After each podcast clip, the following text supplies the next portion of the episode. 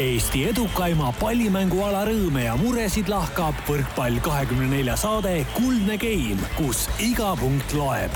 taustajõuna hoiab mängul hoogus ees Kredit kakskümmend neli tere, head kuulajad! Reformierakonna toetus on viimastel nädalatel veidi kukkunud ja EKRE oma tõusnud, aga võrkpall püsib eestlaste seas populaarne, hoolimata valitsevast riigikorrast, ilmateatest ja Rivo Vesiku soengustiilist. nii et aeg on Kuldse Game'i saja kuuenda osaga algust teha. täna, kolmapäeval, kahe tuhande kahekümne esimese aasta kuueteistkümnendal juunil on lisaks Cardinaldole saabunud majja kõigest olulisest ja ebaolulisest rääkima. esiteks sarnaselt olümpial võistelnud jalgratturile Janek Tombakule, ehtsa ja hea mainega Põltsamaa linnast pärit Taavi Nõmmistu, tere Taavi ja tore sind üle pika-pika aja meie saates näha.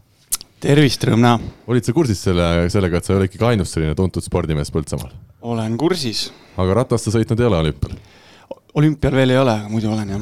selge. teiseks on hea meel öelda halloo Eesti paremate noorvõrkpallurite sekka kuuluva Tristan Tähe vanemale vennale Robert Tähele, tere jah, tere ka minu poolt, aga siinkohal ma äh, eelmisest saatest veel kiirelt ja et äh, mõni tundis siin muret, et kuidas mul äh, kopsudega või hingamisega lood on, et et kõik on väga hästi ja ärge muretsege ja, ja selle eelmise saate apsu siis paneks selle helimehe õlule, kes meil seal seda asja organiseeris. ja see ei olnud mina, ma lihtsalt ütlen seda ka vahele.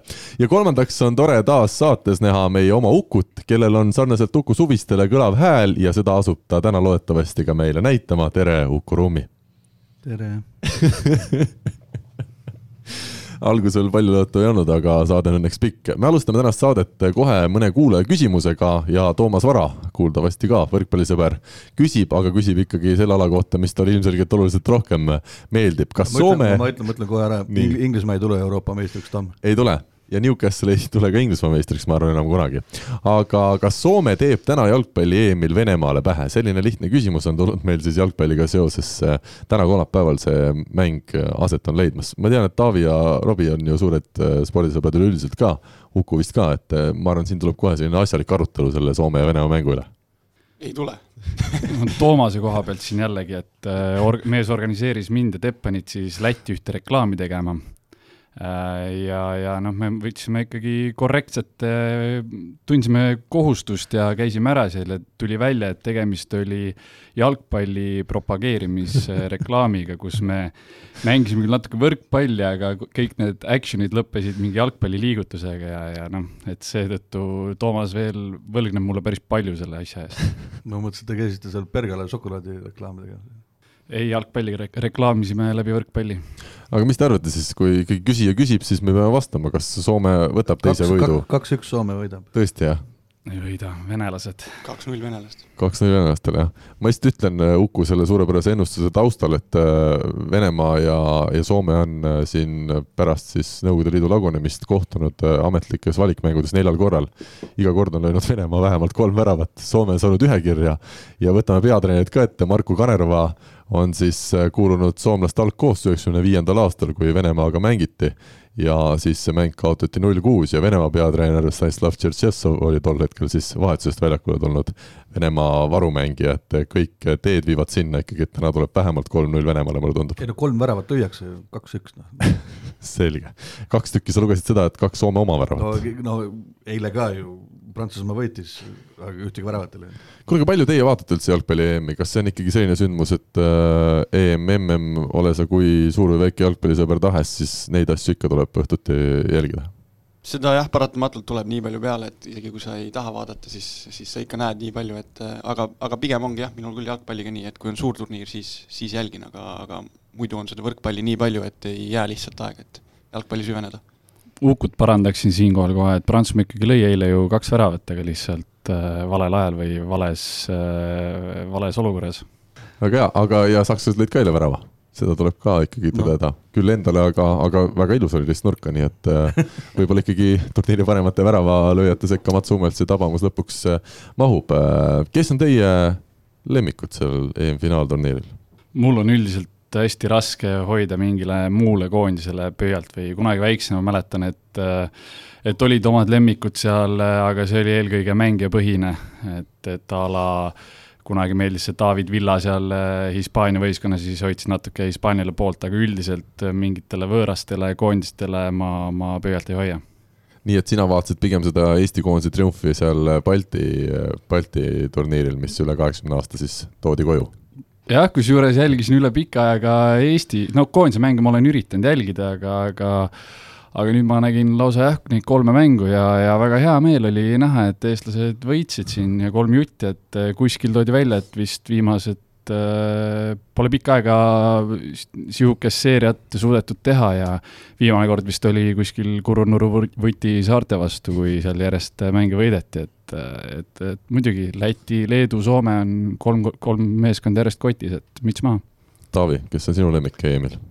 minul eelistusi ei ole, et selleks peab olema natuke rohkem võib-olla jälginud ja süvenenud, et mul, mul tõesti vahet ei ole, kui peaks valima, võib-olla Prantsusmaa on selline sümpaatsem. Uku, sinu lemmikud? Mul on olnud algusest peale, alg-, algusest peale siis, on äh, Holland ja Saksamaa on olnud, kes, kellele nagu pöialt hoitud. aga praegu otsest ei olegi noh, kod-, kodus on surve peal, kuna poiss käib Prantsuse lütseumis, siis nii-öelda prantslastele tuleb vist sealt pöialt hoida, et ja maru rahul oli ka sellega, et Prantsusmaa meil kodusele EM-ile tuleb, et näed, mina olen Belgia poolt hetkel, oleks huvitav, kui nemad esmakordselt võidaksid suurturniiri, aga äh, eks seal ole teisi häid võistkondi veel ja Uku näiteks ei teadnudki, et Belgia sel aastal EM-il mängib. see tuli nüüd kust kohast?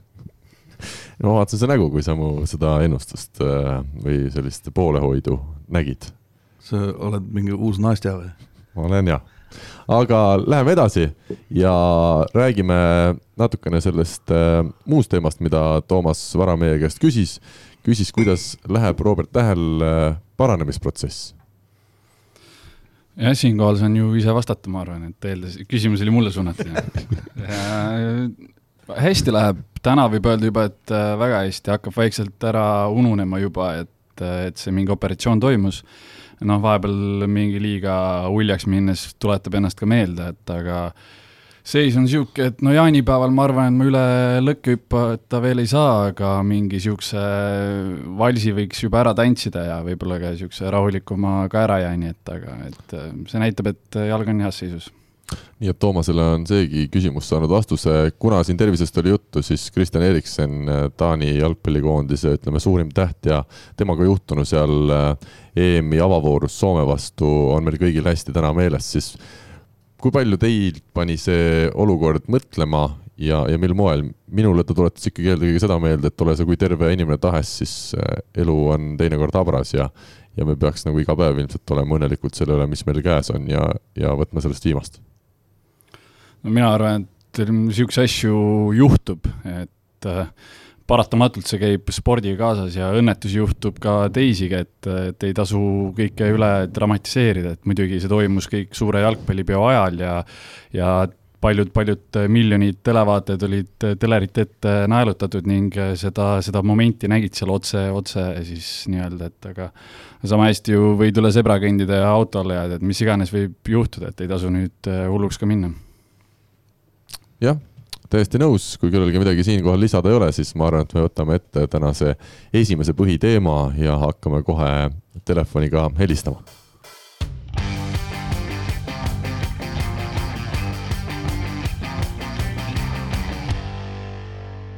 viimase nädala üks huvitavamaid äh, sündmusi Eesti võrkpallis äh, on siis värske üleminek. Äh, Andrus Raadik, meie tuntud nurgaründaja, on liitunud taas Savo Volley võistkonnaga. meeskond, kus ta siis kaks aastat tagasi pärast meie enda Võrkpalli24 portaalis treeneri, ütleme, treeningute ülesehitust kritiseerides enne pronksiseeria algust võistkonnast sule sappa sai. Andrus, tere, tore näha ja mida kuulu? tere, tere, hüve ei täitsa mitte. selge, me teame tegelikult. kodu, koduperemees. ja valvad last? valvan last ja möllan lapsega, toidan last ja magan lapsega. seda on rõõm kuulda. selline ta on ole hea, ütle, kuidas see nüüd kõik siis tõeks sai, et sa oled tagasi paariaastase pausi järel Savo Volleys äh, meeskonnas, kus sa tegid suuri tegusid, aga kus sa tõesti siis lahkusid ju ikkagi sellise ütleme, ebameeldiva juhtumi taustal? No eks ta tegelikult juba allkiri sai antud juba kolm-neli, neli nädalat tagasi paberile, et lihtsalt paluti, et hoiaks saladuses, sõnapidaja mees ma olen, kellelegi sellest rääkinud, aga kuidas, eks ta ju loogiline ole, nagu sa, nagu me seal viim-, peale seda viimast mängu rääkisime, et Soome poole ilmselgelt meil oli plaan vaadata ja, ja Koopasse me tulime kohe peale seda, Elinal tööd on siin ja no ütleme nii, et esimese pakkumise, mis nad mulle tegid, selle ma lükkasin kohe tagasi, et aga siis nad siin paar nädalat või nädal kaua nad mõtlesid, siis tuli juba vähe parem pakkumine ja siis ma pikalt ei mõelnud ma ütlen lihtsalt vahele, et äh, kuna Andrus heli ei ole väga hästi kuulda, siis mõnele võis tunduda, et Andrus ütles, et ta tuli pärast hooaja lõppu Koopasse tagasi, aga tegelikult ta tuli Kuopiasse tagasi. täna, Andrus, oled sa siis äh, ütleme koduraja millest sa räägid? Andrus, täna oled sa siis ütleme kodu rajanud äh, Kuopiosse, kas, kas nii on äh, lood? no hetkel jah, kuna Elina sai ka nüüd siin, siin Puia vallas, mis on nüüd on eesti keeles siis, valmenduspäevik no koha, et, et hakkab valmen-, val-, treenereid siis nii-öelda siin juhendama. päev valmentajas. Et- ei, ei, ei, ei, ei, las ta jääb, kuule. las ta jääb jah. Läheme ja, edasi, ja siis jah, hetkel oleme jah Koopiasse siin, laps käib lasteaias siin, hetkel elame Koopias täiesti selge.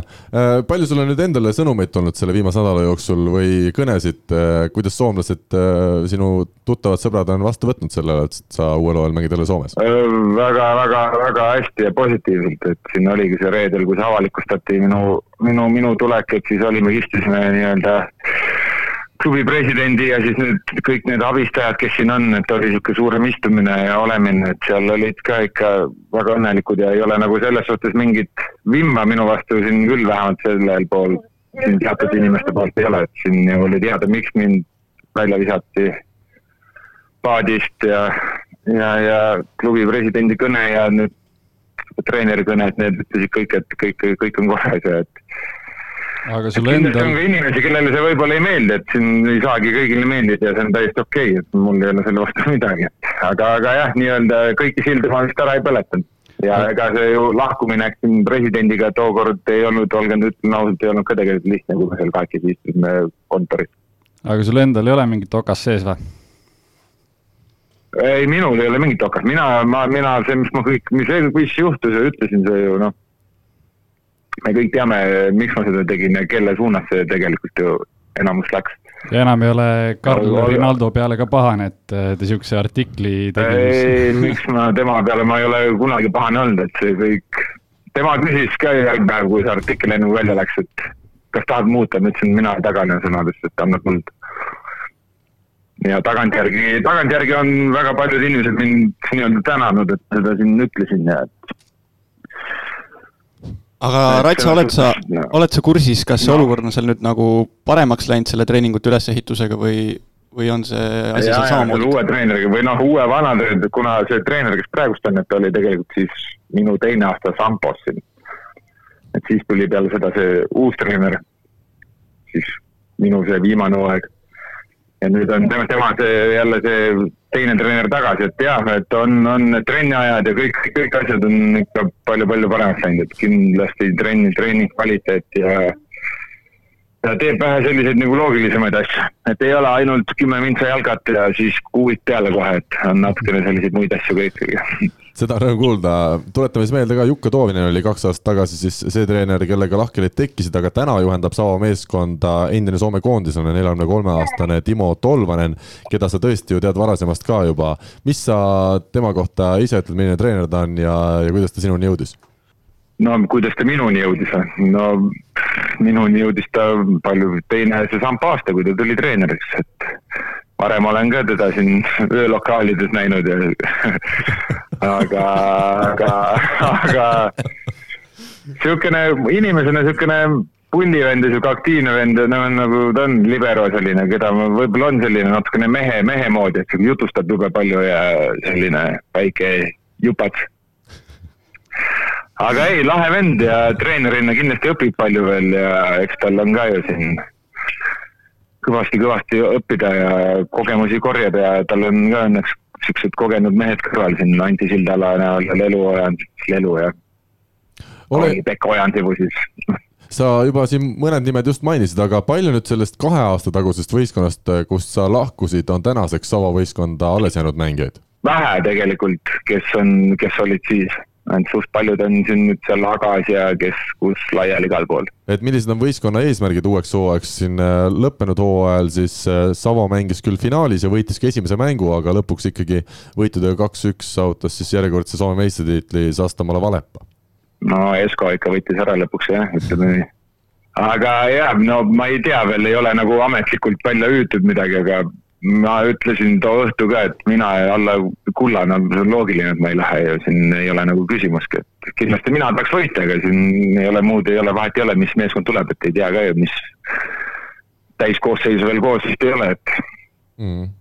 et kindlasti kulla järgi me lähme, ma arvan, või noh, kindlasti lähme oled sa täna kolmekümne nelja aastase mängijana sama hea nagu kaks-kolm hooaega tagasi, mil sa siis ütleme, Soome liigas tõesti väga hästi esinesid, sul on ju ütleme, lisaks sellele, et vanust on juurde tulnud, on olnud siin erinevaid muresid tervisega ja ütleme, ma olen aru saanud, et ka lapse kasvatamine on ikkagi võtnud päris palju aega ja energiat sult, et kuidas sa ennast ise tänasel päeval üldse tunned?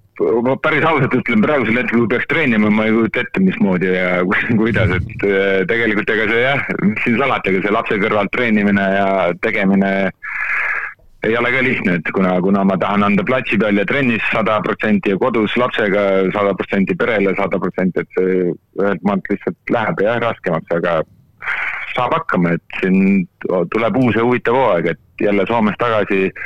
ausalt öeldes ootan väga, et on nii palju tuttavaid vastasmeeskonnas ja tahaks nagu uuesti proovile panna, et kuidas, kuidas suudan, et see esimene hooaeg, mis ma siin mängisin, et noh, aru saada, miks ta nii läks, et kuna ma olin nii võõras mängija, keegi ei teadnud, ei tundnud mind et nüüd kindlasti teatakse rohkem ja motivatsiooni on kindlasti väga palju. ma tuletan siis kuulajatele meelde ka, et äh, Andrus äh, ületas Soomes mängides ühel hooajal siis selle põhiturniiri punktirekordi, mis varasemalt oli kuulunud teisele eestlasele Mart Tiisaarele. aga alati on huvitav teada, et kes tegid pakkumisi, ma kuulen, sul laps juba teeb pakkumisi, millal järgmist söögikorda võiks kodus läbi viia, aga, aga millised Eesti ja millised Soome klubid sinu vastu huvi tundsid peale Savo? No, no huvi oli, oli siin, noh, Soomes oli Agana, mis kuskilt oli käinud nimi läbi, eks mm. -hmm. ja no Eestis oli variant, no Selver, Türgi mingisugune esiliiga tahtis, uuris. et siin väga palju neid variante ka ei olnud. kas AK tahtis sind koos Kolloga? Ei, see oli pigem enne või no ma ei tea, ma ei, agent rääkis, et nimi on lihtsalt läbi käinud, tahtsidki kaitsesuunitlusega mängijat. vaatame siis seda kollakest siin järgmine hooaeg kuidas, kuidas seda kaitses väldab, väldab hakkab olla, seda me ootame huviga, seda me ootame huviga, aga ja. ega Valep otsib ka diagonaali, ma ei tea, kuidas Renksil need lood on. minu arust on Taavi Nõmmistu ka praegu ilma koduklubita veel vastab tõele, jah. Nii et siin. Nõmmistu ka, jah. sul on, Andrus, nüüd vaja siin lisaks lapsele, trennidele ja, ja mängudele saja protsendi andmisele on sul vaja ka Eesti mängijatele nüüd sada protsenti anda, et venitada, meelitada nad kõik hea lepingu peale Soome kuidas, Andrus, ma, ma jälle, ma tean, et mängijad ei räägi ju rahasummadest nüüd äh, konkreetselt, aga kas Soome liigas täna teenib sinusugune mängija ikkagi rohkem kui Eesti liigas, et, et eestlased lähevad sinna seepärast, et seal on parem äh, tasu või nad lähevad sinna seepärast, et seal on see liiga natukene ühtlasem ja tugevam? no ei usu, et see tasu nüüd nii palju parem on, siin ju ka see eelmine hooaeg lõi ikkagi neil need lukud, rahakoti lukud natukene kinni, kuna siin ju rahvas saali ei saanud ja neil teatavasti on niisugune põhi, põhi, põhitulu tuleb või kasu tuleb ikkagi piletitulu pealt, et aga ma usun, et see aeg tuleb rahvast saali jälle, et siis nagu see laheneb ka ära. et rahalises ma arvan küll jah, et siin ju ei ole, et lõppkokkuvõttes ma arvan, jääb ikkagi samaks, et siin muud asjad ka veel lisaks ja ja muidu oleneb muidugi, kui, kui, kui, kui hästi sul läheb või veab või kas sul on siis lepingus, ütleme, punktid pandud Savos, et kui sa tood üle neljakümne punkti, nagu Nimir tõi siin äsja Rahvuste Liigas, et siis kukub jälle mingi summa taskusse? ei ole see vist, kunagi vist oli olnud isegi siin Soomes, et mingi punktide pealt said ka mingit raha isegi. et iga mängus löödi punkti eest, vist oli kunagi jah, ma olen midagi kuulnud aga lõpetuseks teema, mis meid kindlasti ka huvitab, Eesti koondis hakkab siis juuli lõpus valmistuma EM-finaalturniiriks. kas sinuga on nüüd treenerid siin ka vahepeal ühenduses olnud ja usud sa, arvad sa, et sa pääsed sellesse koosseisu, kes EM-iks hakkab valmistuma? minuga ei ole hetkel mitte keegi ühenduses olnud ja mis ma usun või arvan, ma usun või ma arvan, et mul mind ei ole küll sinna nagu vaja, et meil on ju vähemalt need viimased mängud, et seal ma ei näe küll põhjust, et kui sinna Robbie ja Juku ka veel juurde panna, et siis on ju komplekt iseenesest koos, et praegust on nad väga ilusti mänginud, et ise, iseasi jah, et siin oleneb ju kõik jälle vigastustest ja asjadest, et kui juhul, kui vaja on, siis ma ikka jah, tulen ja lähen, aga aga hetkeseisuga ma ei usu küll, et seal kolmekümne nelja aastast vanameest vaja oleks väga aus ja ilus äh, hinnang olukorrale. Andrus, meie täname sind ja soovime sulle kõike paremat äh, esialgu siis lapse kasvatamisel ja siis, kui aeg on käes juba ka sama meeskonnas treenimisel. ja kes teab, kas sind koondises ikkagi äkki näha võib, me jätkame kohe pärast seda, kui sinuga on kõne lõpetatud siin meestega arutelu, kas Andrus Aadikule võiks koht olla sügisesel EM-il olemas või mitte, aga siinkohal veel kord aitäh sulle ja, ja jõudu-jaksu. edu, Raja. suured tänud teile, tšau. tšau, Maarja ja nüüd siis saame sedasama arutelu siin jätkata, no mida teie arvate, kas, kas Andrus Raadikul võiks olla koht äh, Eesti koondises sügisel? ma võib-olla, Taavi, küsin kõigepealt sinu käest, kuna sa oled Andrusega koos mänginud, sa oled siin natukene ka selline äh, ütleme, kõrvaltseisja tänasel päeval. koos mänginud sa oled koondises minu arust. eelmine suvi. kas olen? kas eelmine suvi ei mänginud mängisid ikka? klubi, klubi tasandil ei ole mänginud jah, aga uhuhuu, äh, ma arvan, Ratsa ütleski ise päris ausalt, et äh, ega keegi vägisi ei pea sinna koondisse minema ja, ja ja, ja koondis peab tundma vajadust.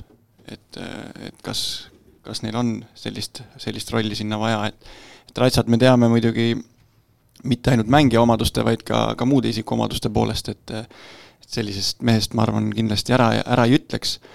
aga kuna praegu, ma arvan, nurkade valik on niigi päris keeruline, et siis äh, siis ma arvan, et, et pigem koondise treenerid äkki vaatavad neid mehi, keda nad suvi otsa näinud on, et, et neil ka, ka nende meeste seast valik on, on päris keeruline. usud et Robert Tähel ja Mart Juhkamil on koht koondises ikkagi sügisel kindel, hoolimata sellest, et siin esimene, suve esimene pool ei saanud kaasa teha? no ma arvan, et laagrisse kutsutakse siis saab vaadata, kas, kas on ka mängumehi. jah, aga päris ausalt, ma arvan, et see, et see valik, lõppvalik tulebki ikkagi väga palju sellest laagri ja treeningute pealt, et no eks oleneb ka sellest, kui, kui, kui kõva valsi Robbie sel jaanipäeval teeb, et jah, seda ka kindlasti. ja teine asi on kindlasti see, et Kuldliiga finaalturniir, millest me siin mõne aja pärast hakkame ka tänases saates rääkima, et, et kui seal ikkagi keegi meestest teeb kaks head mängu ja Eesti peaks näiteks Kuldliiga võitma, siis oleks see suur avaldus ka sügise osas.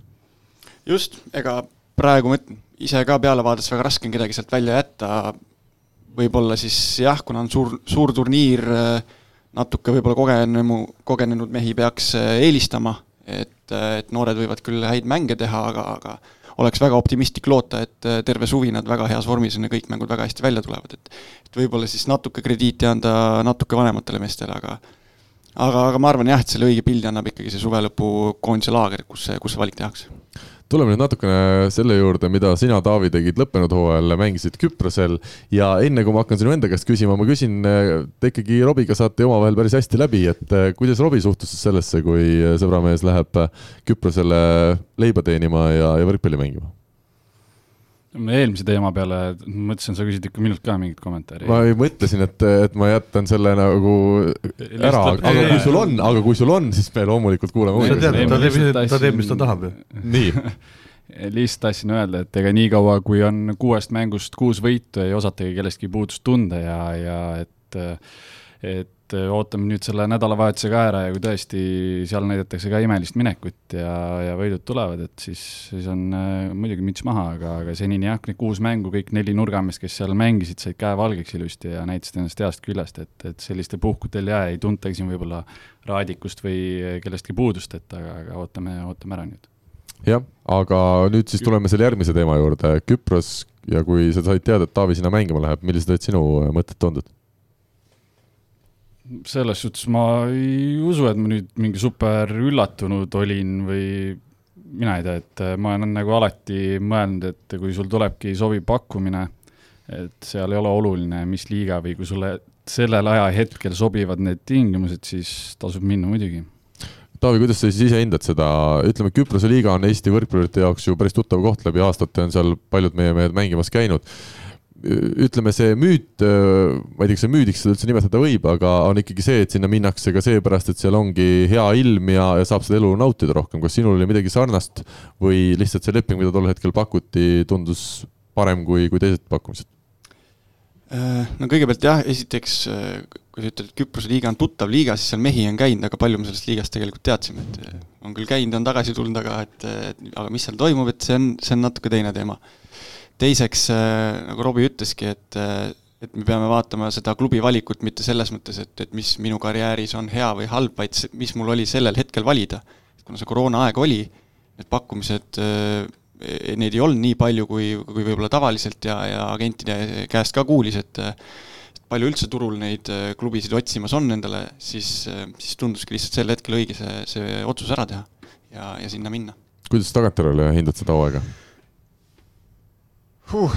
ma olen äh, tuttavatele ka öelnud, kes, kes uurinud on, et, äh, et, et sinna olekski ilmselt hea minna, kui sa oled kolmkümmend viis ja hakkad, hakkad lõpetama ja. no sul täitus kolmkümmend asja. jah, olengi lähedal juba et, et kui saaks pere ka kaasa võtta, et ideaalne koht, äh, vaba aega väga palju ilm ilus, et. oota, aga miks seal vaba aega palju on, kas sellepärast, et seal on, tehakse trenni vähe või on seal mängugraafik selline mitte väga tihe? mõlemat kuidas ma siis ütlen, et see, see on ikkagi pigem ikkagi niisugune, ma ei tahaks isegi öelda poolprofessionaalne, vaid ikkagi selline amatöörliiga, sest see aasta oli lubatud ainult kaks välismaalast äh, mängule üles anda, võistkonnas võis sul rohkem olla trennis, aga mängule üles anda võisid kaks ja ülejäänud olid kohalikud. kõik kohalikud, kes, kes olid, olid äh, päeval tööl. et terve liiga peale minu teada ei olnud vist ühtegi mängijat, võib-olla seal mingid perioodid üks-kaks tükki, kes ainult mängisid, aga kõik käisid tööl sa teadsid seda ka enne, ise sinna minekut?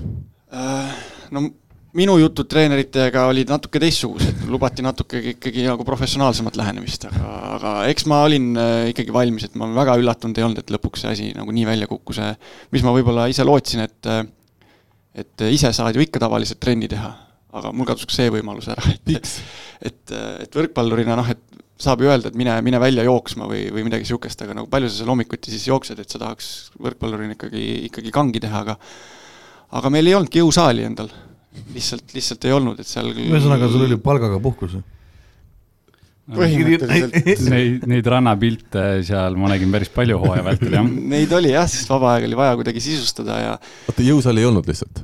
Jõusaali ei olnud jah. kuidas siis seal, jõusaali trenni tehti? sellest, sellest saaks pikemalt rääkida, ma arvan, eraldi, eraldi saate, kuidas seal mingid omavahelised suhted võtta, võivad võtta, võtta kõik Küprose mehed kokku siia. võivad äh, ära rikkuda treeningtingimused, aga põhimõtteliselt meil oli oma saal, viis tuhat pealtvaatajat mahutas, mul ei ole oma karjääris nii korralikku saali olnud, seal oli kümne tõstepõrandaga tõstesaal, täiesti korralik, aga nii. meie seda kasutada ei tohtinud, seal käis umbes kolm-neli inimest, see oli Tõsteliidu oma, aga kuna kuskil mingil tasandil kellegi omavahelised suhted ei olnud nagu kõige paremad, keegi oli kuskil solvunud, siis siis hooaja ettevalmistuse kuu aega tegime me saali, äh, kuidas ma ütlen siis, parklas, siseparklas. Küprose hooaja alguses, kui ma sinna läksin, olid kuumarekordid, seal oli nelikümmend kuus kraadi vahepeal väljas. see, mis seal parklas, siseparklas toimus, oli päris vastik, kui seal kõrval üks härrasmees ka suitsu tegi samal ajal ehk siis, ehk siis umbes selliseid, selliseid lugusid seal, seal sai päris palju ja tegelikult on väga kahju, et äh, ei olnud publikut see aasta saalis, sest et äh, enamus ekstreemsusi oleks ilmselt tekkinud nendega, et neid lugusid kuulates eelmistelt mängijatelt äh,, kohalikelt, see on see on päris põnev liiga ja kogemuse mõttes ma olen, ma olen tegelikult väga rahul, et, et, et äh, et see natuke nagu eesmärk on, et kui ei saa mängida kõrgel tasemel, et siis enda jaoks on mingi, mingit sellist äh, õpetlikku asja sealt vaja ja, ja seda sai, aga aga jah, neid, neid lugusid seal, seal tuli. ma nüüd jätkan selle jõusaali teemaga, sind tõstesaali ei lubatud, kuigi põrandad olid ilusasti maas ja, ja tingimused perfektsed. kuidas sa siis jõudu tegid? oligi seal parklas kuskil? tegimegi jah, kuna hooaja alguses mina olin sealt ilmselgelt liiga heas vormis võrreldes kohalikega, alustasimegi topispallide ja, ja kõige muu sellisega, midagi teha ei olnud, aga kuna kuna seal noh, ütleme selles garaažis siis seal oli viiskümmend kraadi sees, siis ega noh, korraks oli raske ikka. aga, aga mingi hetk meil lubati siis korraks hakata seal jõusaalis käima, aga siis oli tuhin nii suur, et ma suutsin endal, suutsin õla ära lõhkuda seal jõusaalis, sest sa teadsid, et sa saad sinna võib-olla korra-kaks nädalas. ja, ja see oli ka enne pallitrenni ja siis oli hirmus kiire seal. siis, siis, siis õnnestus jah, natuke, natuke paljuks minna seal, seal kangiga ja siis tekkis ka seal selline, ütleme kuu aega, kui mängupaus, aga noh, see kuu aega mängupausi tähendab, et sa oled ilma kolmest-neljast mängust, et ei midagi hullu, et, et selle juurde ka tagasi tulles, et, et miks vaba aega palju oli, et et seal on väga kindel graafik, iga reede kell kaheksa on võrkpallimängud, kõik võistkonnad mängivad samal ajal, seal on eraldi jagatud, üks päev, ütleme laupäev on jalgpallipäev, mingi päev on korvpallipäev, reede kell kogu kaheksa. riik on siis jagatud ära spordialade vahele? just, et äh, täpselt nii oli ja esmaspäevast neljapäevani õhtuti üks trenn ja, ja oligi kogu lugu, et et, et tänu sellele oot, aga laupäev, pühapäev? vaba. kõik nädalad? kõik nädalad vaba. see on minu arust spordiajalugu on siin tehtud praegu. see oli, see oli üllatus jah, ja, ja kui ma sinna alguses läksin, siis, siis nagu ma ütlesin, uue, uue treeneri jutt oli muidugi hoopis midagi muud, et et jaa, et me saame, saame hommikuti trenni teha, et vähemalt kolm meest kindlasti saab sinuga teha ja, ja et ta ise saab ja tuli välja, et neid hommikuseid trenne ei olnud, et ma käisin seal, kas äkki veebruari alguses sain lõpuks ühe esimese hommikuse trenni, ma olin sinna päris mitu kuud juba pinda käinud, et tegelikult on ju saal vaba, et, laske siis. teeme. aga, aga see oli omaette jah, et see, see mentaliteet äh, spordi tegemise osas on seal, on seal hoopis teine, et kui ma üritasin kohalikele seletada, et äh, et meil on kaheksa tundi nädalas trenni ja, ja reede õhtul on mäng, et äh, et palun, et need kaks tundi õhtul, mis te tulete, et pingutage see kaks tundi täiega, et mul, mul tekkis seal tegelikult päris, päris äh, äkilisi konflikte seal kaasmängijatega tänu sellele. sest mulle üritati selgeks teha, et, et nad on ju tööinimesed ja, ja nad äh, on väsinud, siis siis ma tegin selgeks, et, äh, et sellepärast me kaheksa tundi nädalas treenimegi, et teie tööl käite, et muidu oleks need koormused oluliselt suuremad. et meil on Eestis, ma arvan, häid näiteid igas võistkonnas, kus hommikul enne tööpäeva käiakse jõusaalis, õhtul on pallitrenn, iga nädalavahetus oled sa mängudel ja Lätis, et et need äh, treeningtunnid on hoopis teistsugused.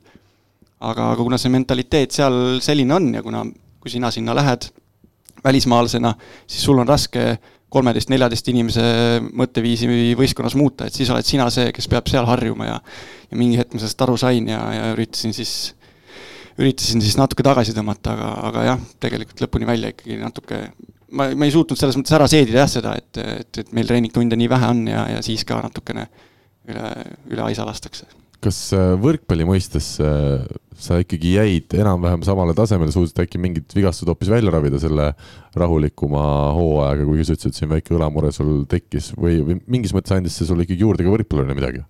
eks ta ikka selles mõttes paksu nahku, nahka kasvatab äh, päris korralikult, et, et nagu ma ütlesin, seal oled sina üksinda, et tood kolmkümmend punkti, vaadatakse, et noh, nii peabki, et see ei ole midagi erilist, tood äh, viisteist, öeldakse, et äh, jobu oled, et mm -hmm. et mis mõttes noh, et et see on see välismaalase elu, eriti sellistes liigades ja ja, ja kindlasti annab juurde jah, aga et, et, et ma olin täiesti kindel, et, et natuke treeningtunde juurde ja, ja see vorm tuleks, et selles mõttes ma üldse ei, ei muretse, et, et, et midagi juhtub ja füüsiline pool samamoodi, et kõik on lihtsalt treeningtundide taga palju, palju sul neid võistkondi oli ja mis need pike, pikemad otsad seal olid? kõige pikem ots oli poolteist tundi sõitu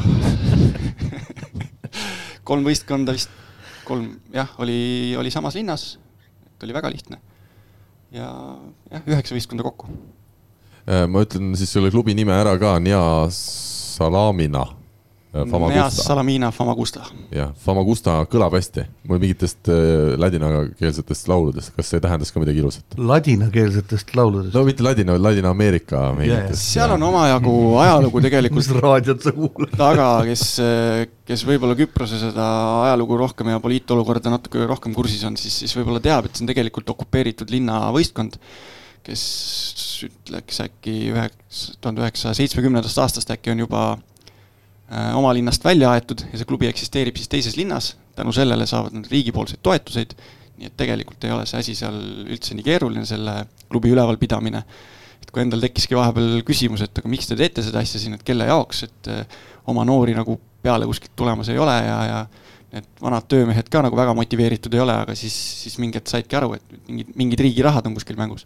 Mm aga, aga jah, et see, see poliitolukord ja see, see siiamaani kummitab neid, et enamus ei ole üldse sellest ajast pärit, kui see okupatsioon toimus ja noh, muidugi loomulikult see olukord on seal siiamaani veel keeruline ja sinna linna nad tagasi ei ole saanud, siis, siis nende jaoks see ajalugu on hästi tähtis ja president käis, kes on isegi, oli meil selle linna vist äh, linnapea, käis, käis ikkagi tihtipeale meile jälle meelde tuletamas ja pika, pikka loengut pidamas, kui kui oluline see ajalugu ikkagi on ja, ja meie, meie klubi ajalugu.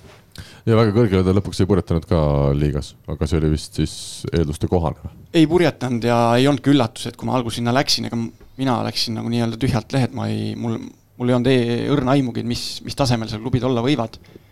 Aga, aga sai päris kiirelt selgeks jah, et, et kui teised mehed seal liiga esimene mäng mängisime seal eeldatavalt nõrgemaga kolm-kaks, olid väga üllatunud, seal toolid lendasid, seal kapten kohe esimene mäng liigas ütles, et tema enam ei tule. Äh, seal jah, mindi tülli, seal mingi jah äh, igatahes teiste jaoks oli suur üllatus, siis mina vaatasin, et, et, et tegelikult oli väga aus selles mõttes mäng, et, et miks me, miks selline paanika, et täiesti niisugune meie tasemele vastav mäng, aga aga seal jah, need ajalugu ja nimed paberil ja klubi, klubide taust, see nende jaoks oli olulisem kui see, mis mängijad sel hetkel on. Martti Juhkamäe on saatnud meile mitmeid küsimusi ja me võtame siit ühe sinu selle teema jooksul sisse, sest äh, Martti palus meil nimetada Eesti võrkpallureid, kes tänaseks ei ole veel välismaal lepingut äh, saanud. Taavi, sina ju oled äh, üks mängija, kes ei ole veel koduklubi leidnud, on sul mingisugused variandid laual, mis seisus sa oled hetkel? Äh, hetkel on tegelikult päris vaikne seis. ma ütlesin ära juba mõnda aega tagasi ühe Soome pakkumise. kõrgliigast? jah ja?. ma arvan, et ma võin seda öelda ka, see oli Oulu Etta ütleme, see on siis äh, pigem tagumise otsa klubi Soome kõrgligas või? ta oli äkki seitsmes või midagi sellist ja, jah, et ja. üldiselt on nad seal eespool olnud ja see oli neil ka nüüd plaan, aga, aga, aga kokku, kokkuvõttes see hästi ei sobinud, et ei olnud see pakkumine väga ahvatlev ja, ja see ja muud asjad sinna juurde, aga väga konkreetseks teiste klubidega ei, ei ole, ei ole läinud ja, ja ausalt öeldes, ega ma hetkel ei, ei pabista ka. et ma olen hetkel olukorras, kus äh, ma olen enda jaoks selgeks teinud, et äh, et kui tuleb väga hea ja sobiv pakkumine, olen ma nõus mängima, aga kui ei tule, siis, siis ma olen tegelikult valmis ka lõpetama, et et seoses pereolukorraga see viimane aasta eriti oli, oli veel keeruline, kus ka pere ei saanud külas käia Küprosel. ühe korra nad sinna said reisida. ja et, et selles mõttes ma olen, ma olen jah, kõikideks võimalusteks praegu valmis. aga ütleme, pigem sa siis isegi tahaksidki äkki mängida Eestis, kui sul mõni klubi siin normaalse pakkumise teeks või? Äh, jah, pigem isegi olen ma Eesti variandi praegu endale, endale selgeks teinud, jah. Uku, kes sul on seal diagonaal, TalTechis? no Kaur-Erik Kais on praegu sinna ei mahu. rannavõrkpallur. no aga need on nokaid mehed ju mm.. aga ma ei ole või Pole ütelnud ju kas teist diagonaalründajat äh, te ju otsite? Uku, mina olen siin, noh, ma olen Andruse karjäärigi me räägime iga päev sellest sinuga, me räägime iga päev. jaa, aga aga täna on järjekordne päev ja täna me ei ole sellest veel rääkinud. jah. Taavi ei ole tulemas uueks suveks TalTechi võistkonda. hetkel me ei ole suhelnud sellel teemal, jah. aga praegu on võimalus. no ma pean peatreeneri käest küsima tema nägemust. peatreener ei ole meil saatesse tahtnud veel tulla, aga. no vot, see, see teema lõpeb. selge, nii et esialgu veel mitte, aga mina küll soovitan Eesti klubidele ikkagi ühendust võtta Taaviga number, numbri saab lihtsalt ja nõusoleku, kui vähegi normaalne, siis mõistlik pakkumine siis ka. ja ma olen selles mõttes väikse vihje andnud mõnele Eesti klubile ka, noh, selles mõttes mõnel, palju meil Eestis klubisid on aga teiseks diagonaaliks sa oleksid nõus äh, minema Eestis? nagu ma ütlesin, ma olen, ma olen kõikideks variantideks äh, valmis äh, kõike läbi mõtlema, et, et see hmm. aasta võib-olla jah, et, et oleks selline pere olukord äh, kontrolli all ja see on võib-olla prioriteet. mul on Ukule üks vahele küsimus siin, mis mul tekkis, kui ma vaatasin, et te saite Kaur-Erik Kaisi ja Rasmus Meiuse, kes koos mängivad rannavõrkpalli omale võistkonda uueks hooajaks. no Rasmus oli eelmine hooaeg ka juba, aga Kais tuli siis Pärnu võrkpalliklubist. kas TalTechil ei ole olnud mõtet teha rannavõrkpalli duo omale meestest ja ka näiteks siis no meil on juba ju Tiisar ja Nõlvak seda küll, aga ma mõtlen seda, et teie kohe sellise egiidi all või see teie sellise valvsa pilgu all ja, ja toetuse all, kas, kas sellist asja ma ütlen veel kord, et meil Nõlvak, Tiisar on ikkagi olemas, jah? ei, nad olid kunagi, hetkel ma ei oska nagu öelda, aga nad kunagi olid jah, selles suhtes olid nagu meie spordiklubi nime all ja, ja, ja said ka mingisugust toetust, et mm.. aga et seda aastaringselt, äh, kui meil nüüd on ikkagi hallid ka Tallinnas olemas, sisehallid, ei ole sellist mõtet olnud, et pannagi üks hoopis paar kokku, kes, äh, kes esindaks äh, ütleme ülikooli siis aastaringselt sedasi rannavõrkpalluritena?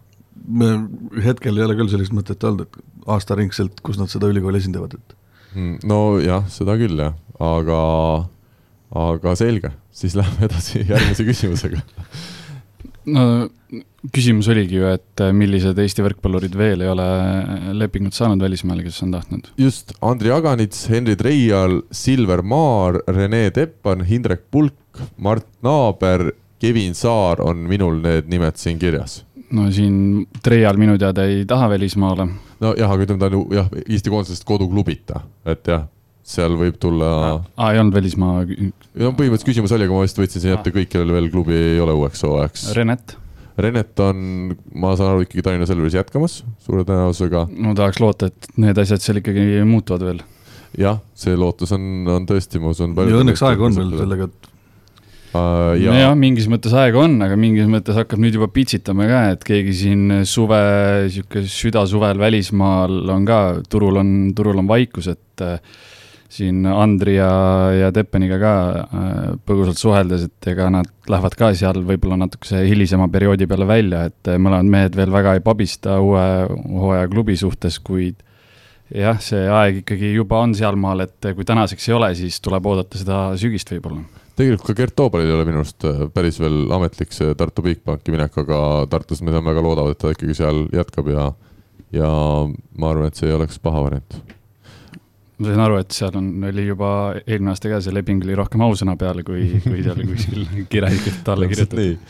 Äh, aga järgmised mehed siis, ütleme Aganitsa ja Teppeni kohta Robbie siin äsja ütles, Treial otsib kodumaalt pigem klubi, Silver Maar on meil see huvitav nimi, keda väga tahaks näha, mis ja kus ja mil moel ta mängimist jätkab, sest äh, Silveril on ikkagi väga suur soov minna välismaale mängima uueks hooajaks. aga nii nagu me teame, liberatel see väga kerge ülesanne ei ole kindlasti ei ole ja, et ta peab äh, väga mingi efektselt kuskil silma jääma ja et, et kui ta ühe korra ütleme nime ära teeb, et siis sinna ringi tiksuma jääda on oluliselt lihtsam, aga just see esimene samm, esimese sammu tege-, tegemine on äh, vähe keeruline. et kui võtame Soome koondise Lauri Kerminini, kes on Venemaal nüüd juba pikki aastaid mänginud ja, ja väga-väga au sees seal, et temal on päris lihtsad need üleminekud olnud järgmine mees, kes mul siin kirjas on Hindrek Pulk, aga temast me vist ka saates oleme juba rääkinud, et tema tulevik on üldse täna veel lahtine, kas ta karjääri jätkab, see ei ole kindel. Mart Naaber siis on ka veel lahtine tulevik, võib-olla võtab Tartud ära, aga, aga see kõik selgub siis tulevikus. loodavad siis, ma saan aru, asjaosalised ikkagi, et äkki õnnestub välismaal veel naabril järgmine hooaeg jätkata ja Kevin Saarest me ei tea midagi, võib-olla on ta tagasi Küprosel juba tegelikult mitte, ma tean, ta on Saaremaal hetkel. nii et ilmselt äh, Küproses. ma arvan, ma arvan, et ka paljude meestega võib olla selline seis, et äh, lihtsalt meieni pole see info jõudnud, et võib-olla need, et mingid protsessid ilmselt juba kuskil käivad, aga et, äh, et võib-olla me kõike päris, päris ei tea, aga, aga loomulikult, kui me räägime näiteks äh, ütleme siis Robert Tähe äh, klubi leidmisest, siis ütleme, et üks on mees, kes ilmselt oma video ei pea kuhugi saatma, et äh, keegi hakkab üle vaatama aga need nimed, mis sa enamus ette lugesid, on sellised, keda kuskil vaadatakse läbi, kui me räägime Liberost, Silver Maarist, kes tahab välismaale saada, et see, see, see valik, mis äh, treeneritele, klubidele ette antakse, on ilmselt päris suur, ma arvan, Kuku mängijaid vaadanud, mis, mis info peale tuleb, ma tean ise, kui ma Šveitsis mängisin, treener ütles, et tal otsis diagonaali, tal saadeti sada nime. Yeah.. ja et, et kuidas sina siis sealt lõpuks nagu välja jääd, okei okay,, et see esimene sõel seal on ilmselt suur, kus sa saad need need mehed, kes paljajalu mängivad kruusa peal seal. Need videod ja need videod on ka sellised, et. kas tõesti äh, saadetakse videoid, kus äh, mängijad on kruusa peal mängimas võrkpalli ja siis loetakse saada? mina olen kuulnud küll jah, et. Äh, ma mõtlesin, sa oled siukse video ise teinud Need on need riigid, kus tehakse riigi peal üks video kokku ja siis saadetakse lõpuks, lõpuks mees on hoopis teine, et oota, Kuku, sul tulevadki sisse emaili peale, kust riikidest need saviliiva peal või liiva peal mängijad? ei no mul päris selliseid kruusa ja savi peal ei ole olnud, aga aga tuleb jah, igast masti videosid igast riikidest ja igast agentuuridest ja, Oota, aga... ja mängijatelt otse ja aga kui Kauri Rikais tuli sooviga tulla ülikooli õppima ja, ja võistkonda, kas, kas, ei, aga ma küsin, kas siis tema saatis sulle oma saalivideot või rannavideot? ei saatnudki ühtegi videot, nagu lihtsalt nii lolli küsimus. sedasi võtsite mehe nagu jah, pimesi võtsime, kuule, Kais on perekonnanimi, ülihea selge. aga nendest lepingutest kiirelt veel, et äh, sellega on see ka, et ei ole, ei ole, ei ole ja kui üks hetk äh, mingi väike sihuke kuuldus juba hakkab tekkima, siis see, need äh, lõpp käib nagu hästi kiiresti, et üks hetk ei ole ja seal võib-olla hommikul ei ole, õhtul on juba sul uueks hooajaks plaan, plaan selge aga Taavi, kui me nüüd soovitaks Eesti, Eesti võrkpallurile, kes teeb seda töö kõrvalt, ütleme esiliiga mängijad näiteks et nüüd me näeme, täna me saime teada, et on ka neile võimalus välismaale minna. Nad saavad teha esmaspäevast reedeni hommikul üheksast viieni näiteks oma Eestis Kaarel, asuvas firmas. ma arvan, et sa saad ise ka sinna minna Rahvaliiga. ei, mina olen ennast, mul ei ole neid, neid äh, asfaldi peal tehtud videoid. aga et, et põhimõtteliselt üheksast viieni saab see Eesti inimene seal Küprosel, internet on olemas, teha töö ära. reede õhtul on siis see üks mäng ja siis nädalavahetus vaba no ütleme nii, et päris nii ei saa, selleks äh, välismaalased võetakse sinna ikkagi selleks, et, äh, et nad oleksid professionaalid ja nad oh., nad mängiksid, et küll on sinna jäänud väga palju mängijaid, aastaks mängima läinud ja toon hea näite enda meeskonnakaaslase sellest aastast, Valter Sramma, lätlane, kes on seal vist ju seitse aastat elanud, et ei plaani ära ka tulla. meeldib ja, ja muidugi meeldib, et, et, et tema sobib sinna ja et, et selliseid mehi on küll palju jäänud, kes on sinna jäänud ja võib-olla ka teevad juba tööd, nagu, nagu temagi tegi ja, ja siis mängivad võistkondades, aga, aga üldiselt jah, kui sul on võist-, välismaalaste piirang nii väike, siis, siis võetakse ikkagi, ikkagi ainult äh, professionaalsed mehed. selge, me saime sellele Marti küsimusele vastuse, teeme väikese pausi ja oleme tagasi juba järgnevate küsimustega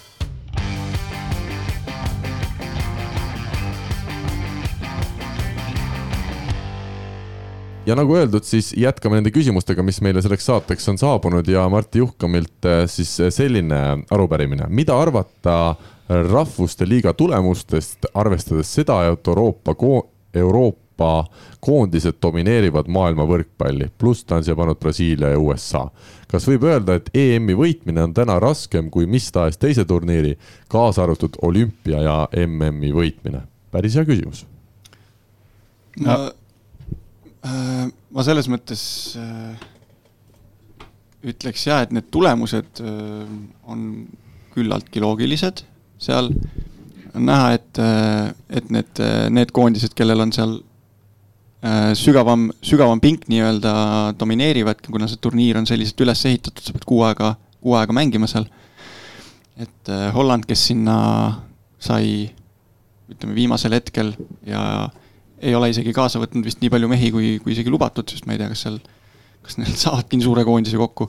et, et selgelt ongi jäänud seal nat-, natuke nõrgemaks äh,.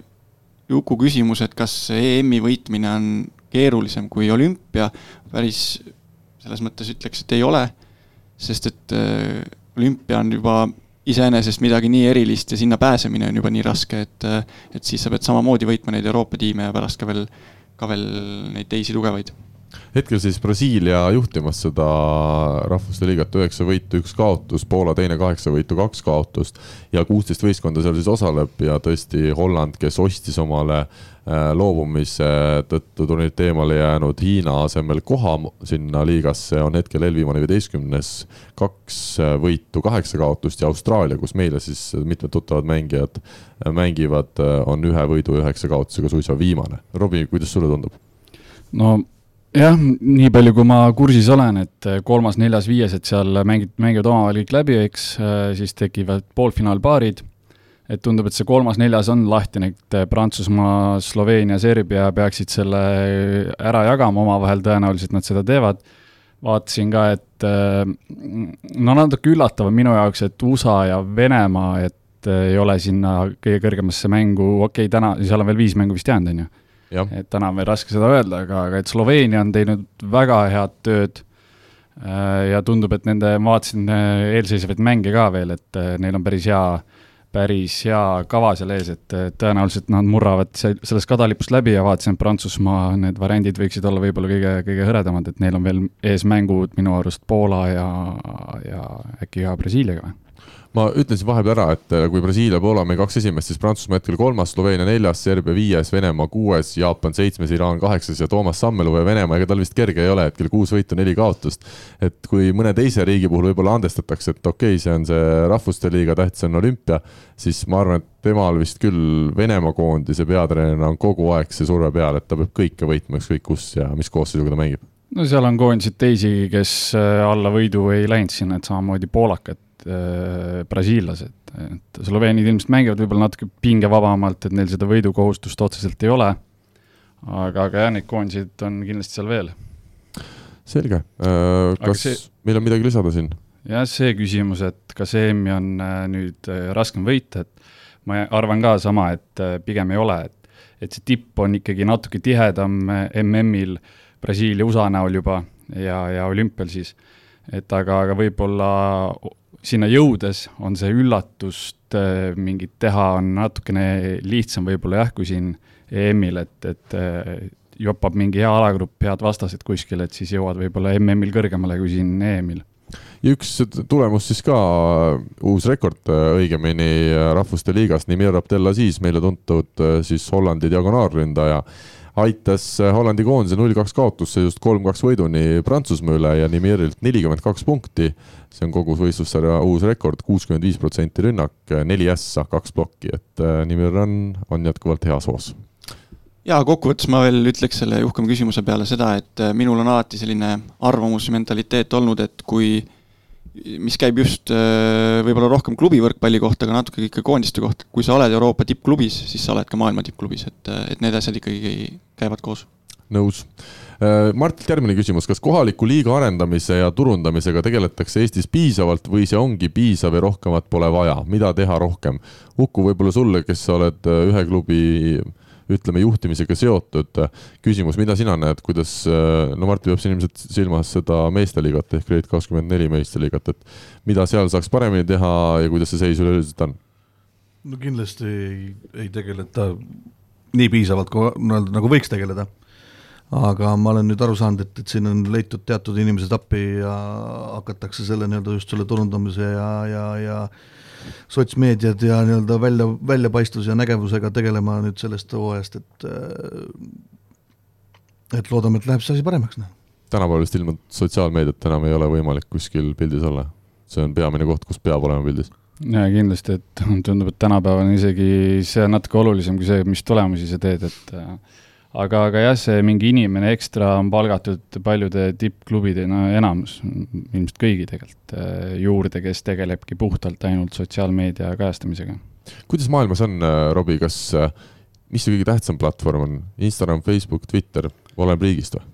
ma arvan, et nad panevad sinna ikka igale poole, igale platvormile nii palju, kui saavad ja et no kui sa vaatad praegu jalka EM-i, siis on ju peasponsor on TikTok, noh. ja no seda enam jah, et TikTok on ka juba seal pildis kindlasti. et aga kui ma toon veel näite, et äh, ma ei ole veel Belhatov Skra särgi, särki isegi selga tõmmanud, aga aga kogu aeg tuleb mul sealt sellelt äh, samalt äh, sotsiaalmeedia sotsiaalmeedia inimeselt siis kogu aeg seda, et kui sa järgmine kord trenni teed, saada meile mingeid pilte, tee oma mingi playlist Spotify's, saada meile, tee mingit seda videot, seda videot, et kogu aeg mingi action käib ja, ja see möll käib juba praegu kõva. on see tüütu ka või sa saadki aru, et see on üks sinu töö osa ja, ja et klubi aidata rohkem pildist püüda, siis sellega tuleb tegeleda ja sul selle vastuotsused midagi ei ole? No täpselt, et see on tänapäev jah, et ma ise võib-olla kõige aktiivsem mees ei ole sotsiaalmeedias. Rene on nüüd selgelt läinud sinust mööda selles osas. jah, et Rene on äh, tulnud kõvasti kannule ja võib-olla isegi sammukese eest ära läinud jah, et et jaa äh, selles suhtes jah, tuleb aru saada, et äh, see käib tänapäeva maailmaga või noh, spordiga käsikäes jah, et see sotsiaalmeedia kajastus on üli-ülioluline mida veel võiks või saaks teha teistmoodi paremini, on siin kellelgi mõtteid Eesti või siis ütleme selle Balti liiga osas laiemalt? jah, võib-olla võikski juba see Kredit kakskümmend neli endale mingi inimese palgata, ma ei tea, kas seda on tehtud, et kes puhtalt tegelebki ka sotsiaalmeediaga ja mingi noor inimene äh, mingi lisatasu sealt teenida ja neil, neil, kes on seal harjunud neid asju postitama ja nii edasi, et see ei võta kindlasti tükki küljest, et üks mees, kes võib-olla Eestis järgmine aasta alustab mängimist, on Henri Treal ju, kes on äh, väga kuulus tiktokker, et et äh, sinnapoole tasub ka pöörduda, sina ei olegi näinud või?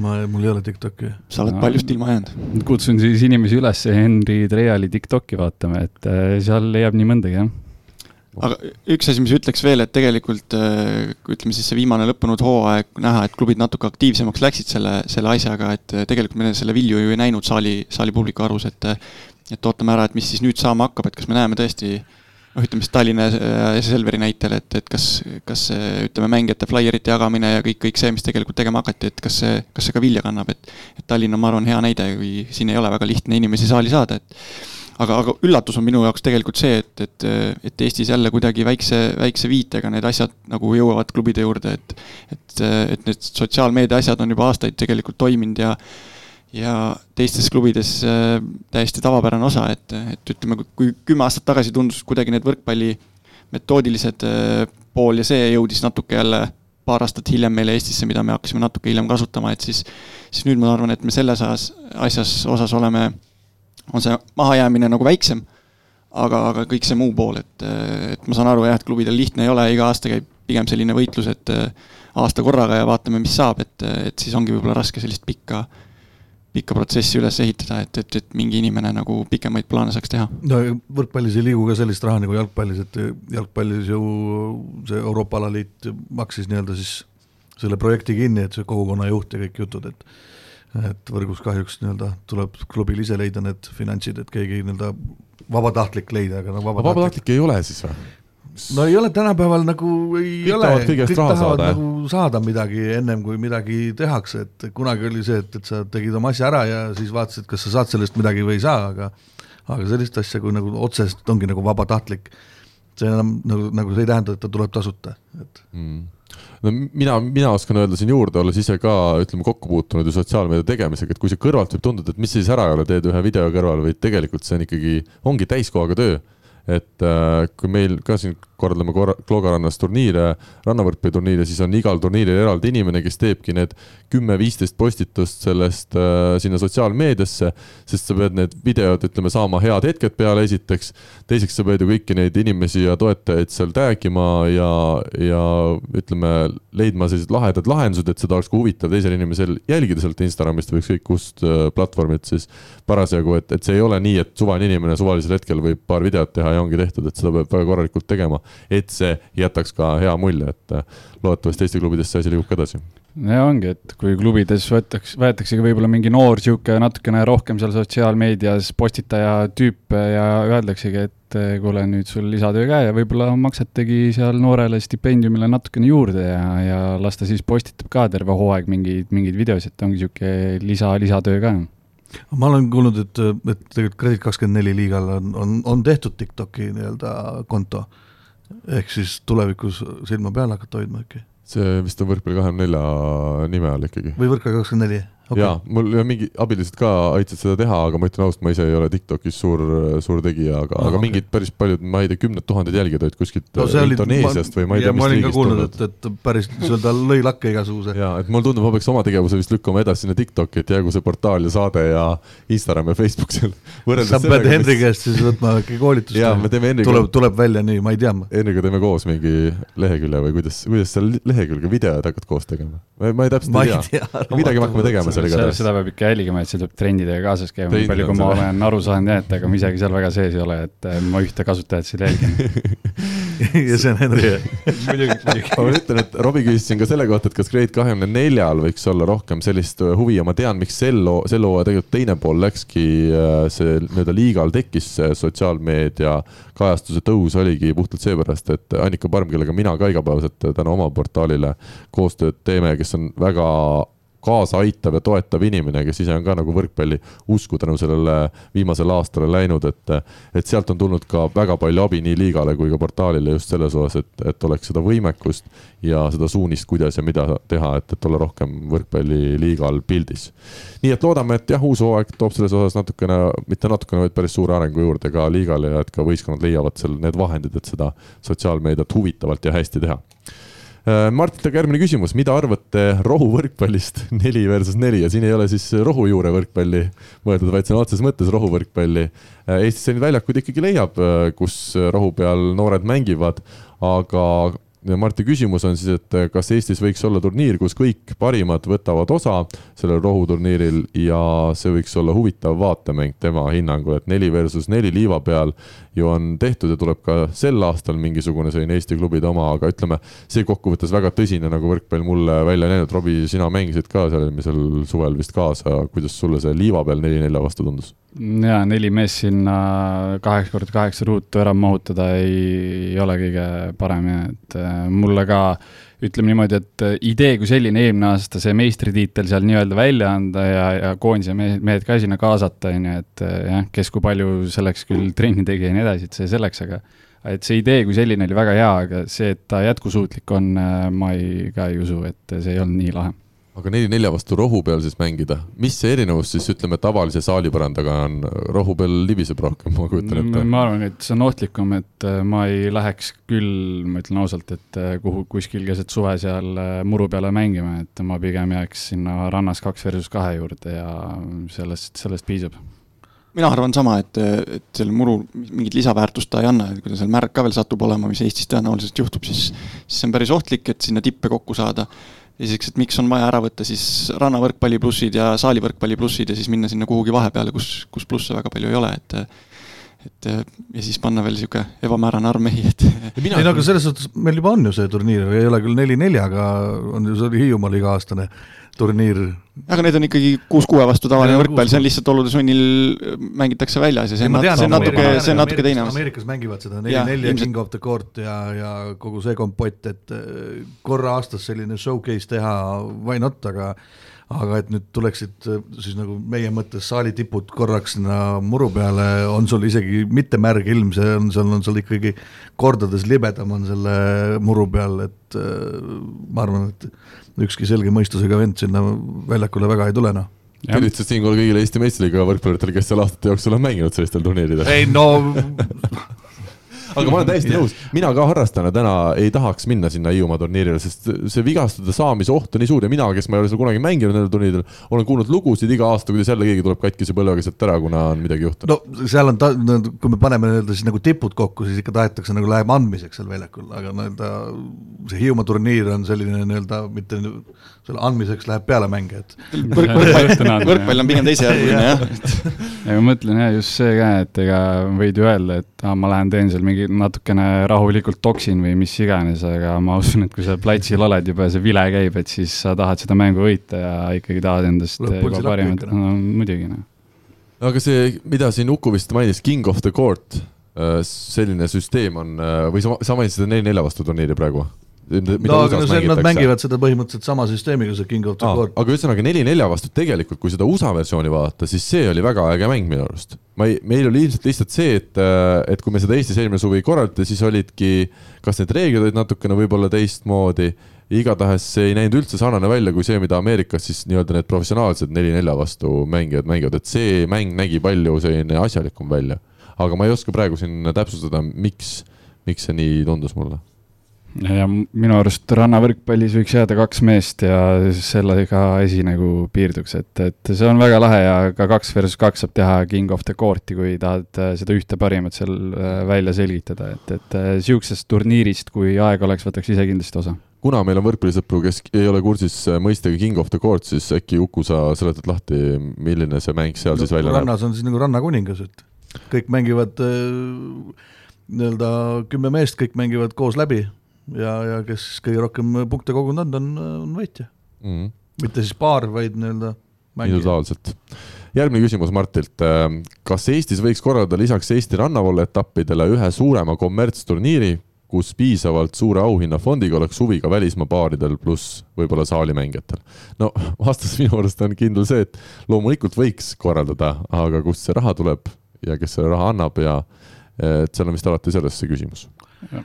puhtalt tänapäeval nii-öelda, et välispaarid tuleksid siia, peaks olema ikkagi see, et, et kas siis on Euroopa või maailmakarika etapp, et et puhtalt raha pärast tuleks võib-olla sul üks-kaks paari siia, aga nad käivad ikkagi mängimas sellepärast, et saada maailmakarika etapi punkte ja ja et oleks tulevikus lihtsam kuhugi kõrgematel turniiridel peale saada, et ja sinna kalendrisse mahtuda ilmselt on ka maru keeruline on see aga kui suur tõenäosus on, et lähiaastatel võiks midagi taolist Eestisse tulla, kas te olete äh, mingit infot kuulnud, et selline huvi on Eestil olemas? Äh, Eestil on huvi olemas, on äh, arutatud MK ühe ja kahe tärni korraldust, et ja seda siis aasta... Pärnus või kuskil mujal? ei, asukohta ei ole selles suhtes räägitud, et aga, aga plaan, plaan on, plaan on teha, jah. selge võtame järgmise küsimuse, vaatame, siin on äh, Martilt siis viimane küsimus peaks olema, kui mõni Mitme, aasta. Äh, saja seitsmekümne neljas. kui mõni aasta tagasi oli Eestis pigem kombeks, et kesktasemega välisklubisse ei mindud, siis üha enam mängijad seda täna teevad. Äh, ja küsimus on siis, et kas õige otsus või peaks tugevdama kohalikku liigat? Kas no see on jällegi, see on nii suhteline ma mõtlen, et kui sul tulebki see leping lauale ja sulle tunduvad tingimused õige, et palk on see, mida sa arvad, et sa väärid ja, ja kõik see ülejäänud asi ka sinna hulka, et siis sa muidugi lähedki välismaale, et ju siis ei ole leitud paremaid variante siit äh, Eestist. ja ma arvan samad, no ütleme, et selline noor mängija ei pea küll mõtlema selle peale, et kas nüüd liiga jääb nõrgemaks sellepärast, et mina ära lähen või ei lähe, et et tema ilmselt peab ikkagi vaatama seda, et mis tal sel hetkel äh, laual on ja ütleme siis, kui on keskpärane liiga ja ja võrreldav Eesti liigaga, et siis siis, siis sa peadki vaatama kõik need konkreetsed variandid läbi ja, ja kui, kui ta on välismaal, mina soovitaks siis ikkagi nagu väga palju valida treeneri järgi, et täpselt seda ma tahtsin küsida, et kui välismaale minna, siis treener on vist see A ja O. tema otsustab kõik, mis sa seal teed, sinu vabad päevad, sinu trennid, sinu selle, et mis, mis tujuga sa sealt ära tuled, et, et võib-olla ei olegi vahe, et nii palju siis mis, mis liiga, et oleks täpselt seal tipus, aga kui sul on treener korralik, et siis, siis see võib olla küll see väljund, mida, mille järgi otsustada. muidugi tahaks näha ka mängijat, kes äh, ütleb, et ma nüüd ei lähe välismaale, et äh, ma tahaksin äh, kodust liigat tugevdada, et mis sest, et pakkumine on mingi kaks korda parem seal.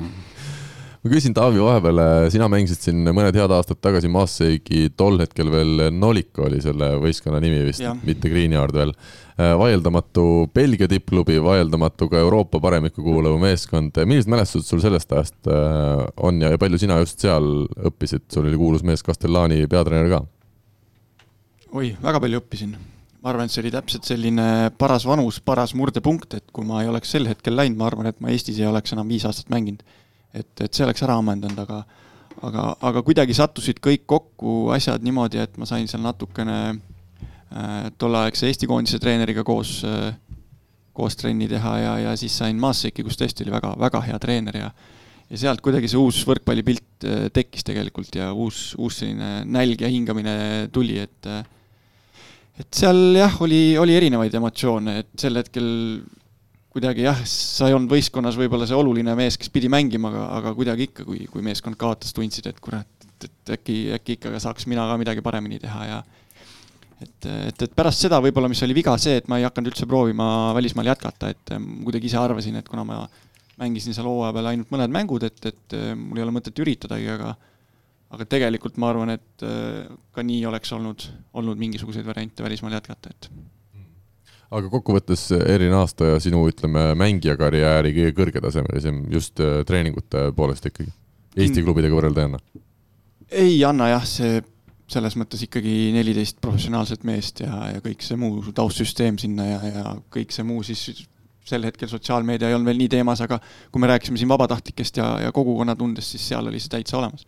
seal mina nägin esimest korda, kuidas see Kesk-Euroopas nii-öelda toimib, et et seal ikkagi mehed ja naised eh, tulid iga teisipäev, koristasid selle saali ära ja nad ei, nad ei tahtnud midagi vastu, et sa lasid nad mängule ja, ja nad nautisid seda, et, et see oli, see oli tõesti kogukonna selline klubi kas äh, Belgias veedetud aasta aitas sinul ka jõuda, ütleme, tulevikuplaanide osas äh, mingi märgini, kas sul on, ütleme, endal tekkinud ka huvi tulevikus treenerina kätt proovida? jaa, ma arvan, et see huvi oli juba varem, et kui tegelikult ma läksin ju juba pärast keskkooli õppima Tartu Ülikooli kehakultuuri, mille ma nüüd lõpuks lõpetasin, sest lihtsalt palju õnne! aitäh, sest et kumb lauda? ei, noogutusega ei. sest koroona pakkus selle võimaluse, et ma sain Küprosel, Küproseid õpinguid eh, lõpetada internetis ja ja see treeneri töö mõte on, on tõesti peas, peas olnud jah. ja, ja, ja seal Belgias ütleme jah, oli esimene kord, kui ma hakkasin ütleme süs- süsteemsemalt keskenduma sellele, mis, mis see treener teeb, seda kirja panema, seda analüüsima ja lausa kirja panema ja analüüsima? jah, mis on mingeid huvitavaid märkmeid, ma tean, et väga keeruline on äh, siin kahe lausega või paari minutiga võtta kokku midagi sellist, aga on sul mingeid huvitavaid äh, märke või, või meenutusi või, või hetki just selle, selle õpinguprotsessi juures? Sel hetkel mul kindlasti tekkis neid väga palju, ma, mul tekkis erinevaid, erinevaid jooniseid, kuidas, kuidas seda väljakut, ütleme siis nii-öelda lahterdada mängija jaoks, seda asja lihtsaks teha, plokkkaitsesüsteemid. Need on igal treeneril väga erinevad, et lõpuks, kui sa ise treeneriks hakkad, sa peadki valima selle, et mis sulle siis sel hetkel sobib ja võib-olla kombineerima neid, aga aga, aga nii-öelda selle, selle treeneri asjad on mul, on mul nagu kirja pandud ja ja ütleme siis, ma ei ole veel treener, aga no ja noor mees, aga, aga ma arvan, et iga treener peaks väikest sellist kuidas ma ütlen siis, playbook'i endale koostama ja, ja ma tean, et tipptreenerid seda teevad ka nagu, et kus, kus ka pisiasjad sul kirja on pandud, olgu need siis soojendusmängudest kuni, kuni spetsiifiliste tehniliste asjadeni välja, et kui sul mingi hetk on üks küsimärk, sa lööd endal selle raamatu lahti ja võib-olla tuleb mingi, mingi asi meelde, mis, mis võiks aidata. See ei olegi ju parem marketing praegu sulle endale, et siin Eestis klubi leida, et mõni treener kindlasti kardab, et hakkad seal jalgealust võib-olla õõnestama ei, ma ei usu, et seda ohtu on, ma arvan, et Eestis on meil praegu juba üle treenereid, kes, kes on piisava kogemuse ja pädevusega, et, et ma arvan, et ei, ei ole ohtu. aga alati on paremaid vaja ja parematel on alati koht. üle ei ole kindlasti siin kedagi. Nonii Robbie, mul on sulle küsimus, kui nüüd äh, ütleme, Taavi teeb mõne aasta pärast, noh, mulle meeldib alati teha selliseid äh, imelikke ettekujutusi, klubi nimega ütleme Põlvamaa põlvekaitsjad ja, ja paneb sinna kõik Eesti ja võib-olla ka mõned maa kõik, kõik on kuskil laua all praegu, ma ei tea, miks, ja, ja paneb sinna kokku tõesti supermeestest võistkonna, siis kas sina Taavi käe all mängiksid hea meelega?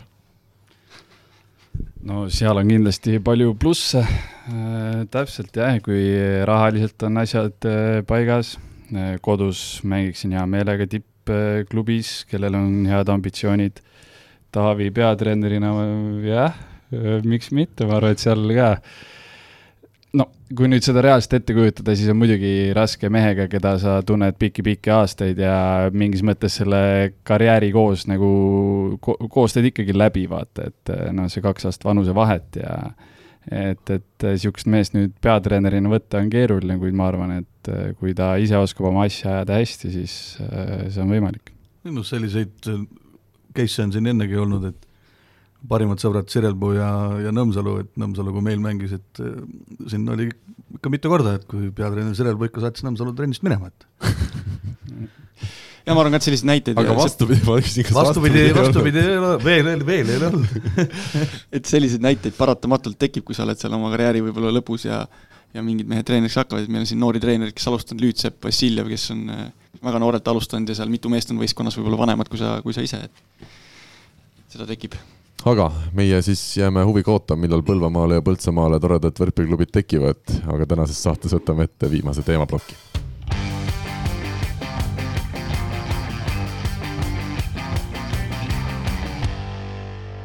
ja nädalavahetusel on siis ootamas meid ees äh, üks ütlemata põnev finaalturniir, äh, meeste Euroopa kuldliiga Final Four siis Kortrikis Belgias on aset leidmas ja Eesti minemas vastamisi äh, laupäevases poolfinaalis Türgiga ja teise finalisti selgitavad Ukraina ja Belgia. eelmises saates me juba põgusalt peatusime sellel kuldliga finaalturniiril, aga täna võtame siis uuesti selle kõik ette. Alar Rikbergi, Eesti koondise abitreener ja statistikuga sai räägitud, ütles, et äh, täna, kolmapäeval ollakse veel Tartus treenimas, aga homme hommikul lennatakse siis äh, Kortriki ja kuuldavasti ühtegi õhtust trenni neil äh, ei antudki, ehk siis reede hommikul saavad nad trenni teha ja vajadusel ja soovi korral siis ka laupäeva hommikul, aga, aga õhtuseid trenne seal Eestile ei pakutud. nii et Türgiga vastamisi minnakse laupäeva õhtupoolikul ja Eesti on täiskoosseisus, seda on rõõm tõdeda, selles suhtes, et need mehed, kes kõik siin kevadel nüüd trenni on teinud, viimastel nädalatel on terved ja saavad kaasa lüüa. Ja jääme siis huviga vaatama ja ootama, mida see turniir meile toob Robbie, võtame veel sinuga ette selle Türgi meeskonna. Alar rääkis, et Adis Lagumdžia loomulikult nende rünnaku liider, samas on neil ka mõlemad need nurgaründajad ikkagi korraliku tasemega ja sidemängija samuti hea, aga sidemängija pidi mängima kiiret mängu ja olema sellistel hetkedel, kus mängitakse medalite eest, vahel natukene ebakindel. kui palju sina julged, saad, oskad, tahad siin lisada sellele kommentaarile midagi? No Arkas Izmiri põhinurgad jah, kes terve hooaeg seal põhiraskust kandsid, on, on ka koondises hetkel äh, siiski põhised seal kaks nooremat meest, kellest ma eelmine saade vist natuke rääkisin, et äh, nemad on siis kolmas-neljas vahetus. Äh, jah, kõige olulisem mees, kõige olulisem lüli, kelle, kes punktid peab ära tooma ikkagi, on Adis Lagumdžia. tema pidurdamisega võiksime hakkama saada, et siis äh, siis võiksime ka, ka selle mängu, ka selle mängu võita ja et, et, et see on ülioluline, kuidas me just tema peatamisega hakkama saame. Eni Bazar, kui mina mängisin eh, Türgistan Teppaniga ka koos eh, klubis, klubis mänginud. Eni Bazar on siis sidemängija? Eni Bazar on siis sidemängija jah, et mulle ta mingit erilist muljet ei jätnud, ausalt öeldes ta mängis ka too aasta Arhavis, et Andrus Raadiku siin jutumärkides Meelis klubis et aga, aga et jaa, mina nagu too hetk ei näinud tast midagi, et ta oleks nüüd jube hea sidemängija, peaks olema koondise põhi. et noh, Eiksi on seal puudu, ma ei tea, mis põhjustel, aga, aga, aga Alariga rääkisin ka temast ja Alar ütles, et temale näiteks väga meeldib see sidemängija, et ma ei tea, võib-olla mees on siis arenenud, muutunud Eesti koondises sellest äh, treeningutel osalevast koosseisust äh, jäävad välja Markus Keel taas sidemängijana, ma arvan, see enam üllatus ei ole, taas Robert Viiber ja Renat Vankeriga siis kõige tähtsamale turniirile nüüd äh, läheme. Ja temporündajatest, kui õigesti aru sain, siis Alex Saaremaa jääb koju ja Henri Treial jääb koju, ehk siis minnakse kolme temporündajaga turniirile vastu, mis tundub samuti suhteliselt ilmselt mõistlik valik kokkuvõttes jah, sest äh, need kolm tempomeest, kes meil sinna jäid, et äh, nemad kolmekesti need kaks põhikohta ära jagavad ja sellest täitsa piisab. Türgi siis võitis äh, C-alagrupi Valgevene, Tšehhi ja Portugali ees ja Türgi ei kaotanud ühtegi mängu, nii et selles suhtes arvestades, et Belgia, vabandust, Valgevene, Tšehhi ja, ja Portugal ikkagi on ju ka korralikul tasemel võistkonnal, mitte nüüd päris Luksemburgid või Liechtensteinid, siis, siis kindlasti ei saa türklasi alahinnata no no Türgi tegi kindlasti kõige kõvema avalduse kõikidest meeskondade peale selle alagrupp, alagrupi eh, nii kindla võitmisega, et eh, tõesti seal kaks geimi ainult jäinud ära, aga elu on ka näidanud, et eh, meeskonnad, kes alagrupi turniiridel on ülivõimsad, siis nad, kui tuleb see kulminatsiooni hetk, et siis nad nii edukad enam ei ole, et, et ka seda jah Ukraina siis tuleb täiskoosseisus, ka finaalturniiril nad juba alagrupiturniiri mängisid väga kõva koosseisuga ja ukrainlased ikkagi eelmistel Euroopa meistrivõistlustel, nii nagu me selleski saates oleme rääkinud, on tõstnud oma aktsiaid kõvasti ja on kahtlemata samuti ühed favoriidid. mida nende kohta võiks öelda?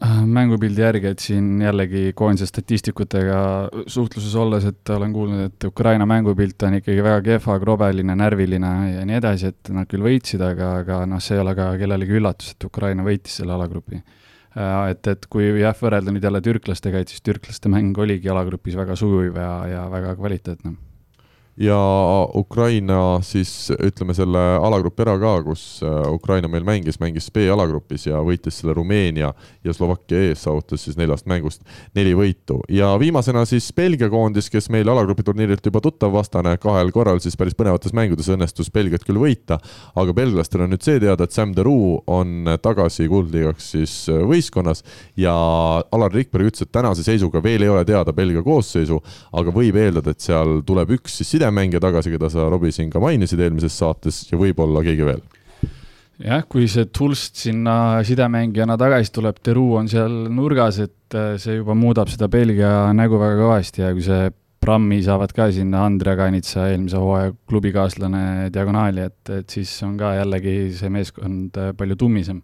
kuid jällegi, nagu ajalugu on näidanud, siis meeskonnad, kes ei tee seda alagrupi turniiri, et ehk siis need korraldajad, kes ei tee seda täielikult kaasa, on, on seal finaalturniiril ikkagi kõvasti kõrbenud, et äh, said tšehhid vastu näppe äh,, aasta hiljem saime meie vastu näppe, et, et noh, nüüd on äkki belglaste kord loodame nii äh,. igatahes äh, Eesti järgi siis kell kuus peaks laupäeval algama esimene poolfinaal Ukraina-Belgia vahel ja kell üheksa teine poolfinaal Eesti-Türgi vahel. Rõõm on tõdeda, et äh, kõik äh, need finaalturniiri neli mängu laupäeval-pühapäeval on jõudmas ka Kanal kaheteistkümne vahendusel Eesti võrkpallisõppedeni, nii et äh, suur nädalavahetus on meid tõesti ees ootamas. Uku, sina vaatad ka mänge? Belgia ja Ukraina mänge? jah, kõik neli mängu on ostetud finaalturniiri mängud. see on küll hea uudis.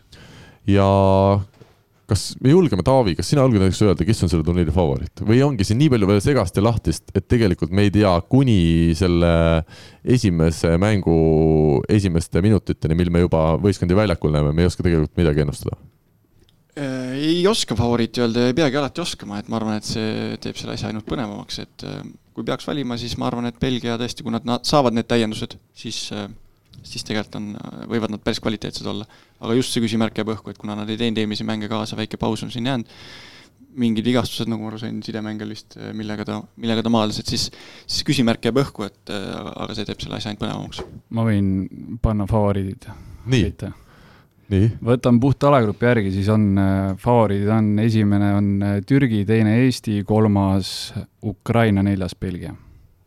ja mina pakun finaalis mängivad Ukraina ja Eesti vaata, ma, ma ei läinud nagu seda teed pidi, ma ütlesin favoriidid, ma ei öelnud, et noh, sest Türgi ja Eesti mängivad poolfinaalis mm, -hmm, et mm -hmm. jah väga hea ja nädalavahetus siis Eesti võrkpallisõpradel toob lisaks saalivõrkpallile muud ka. meil rannavool Eesti karikasarja siis teine etapp Tallinnas Aven-Kakumäel on toimumas. oota, ma üritan need toetajad ka meelde tuletada. Optibet Arenal toimub võistkond ja Teras on seal ka siis üks turniiri toetajatest. no Rivo siis. Rivo, Rivo, Rivo üksinda, kuigi ta ise jälgib seekord välismaalt seda toimuvat ja seal palju huvitavat peaks meid ees ootamas olema, taas palju paare on võistlustules ja et kuumakraade lubatakse üle kolmekümne nädalavahetuseks, siis tõeline mm, rannavõrkpall jah. Uku, sa hakkad helistama jah, sihukeste kraadidega on mõnus vilistada. aga võin öelda, et ega mängida on ka mõnus? see on tore igatahes äh, Taavi, Robert ja, ja Uku, aitäh teile täna taas leidmast äh, sedasi väga spontaanselt äh, seda aega ja, ja meiega liitumast. ma loodan, et võrkpallisõbrad said jälle natukene targemaks ja, ja oli üks, üks meeldiv tund ja natukene peale. olge tublid ja kohtume jälle. tšau-tšau. tšau. nägemiseks. Eesti kõige põnevamad podcastid on Delfis, kuula tasku.delfi.ee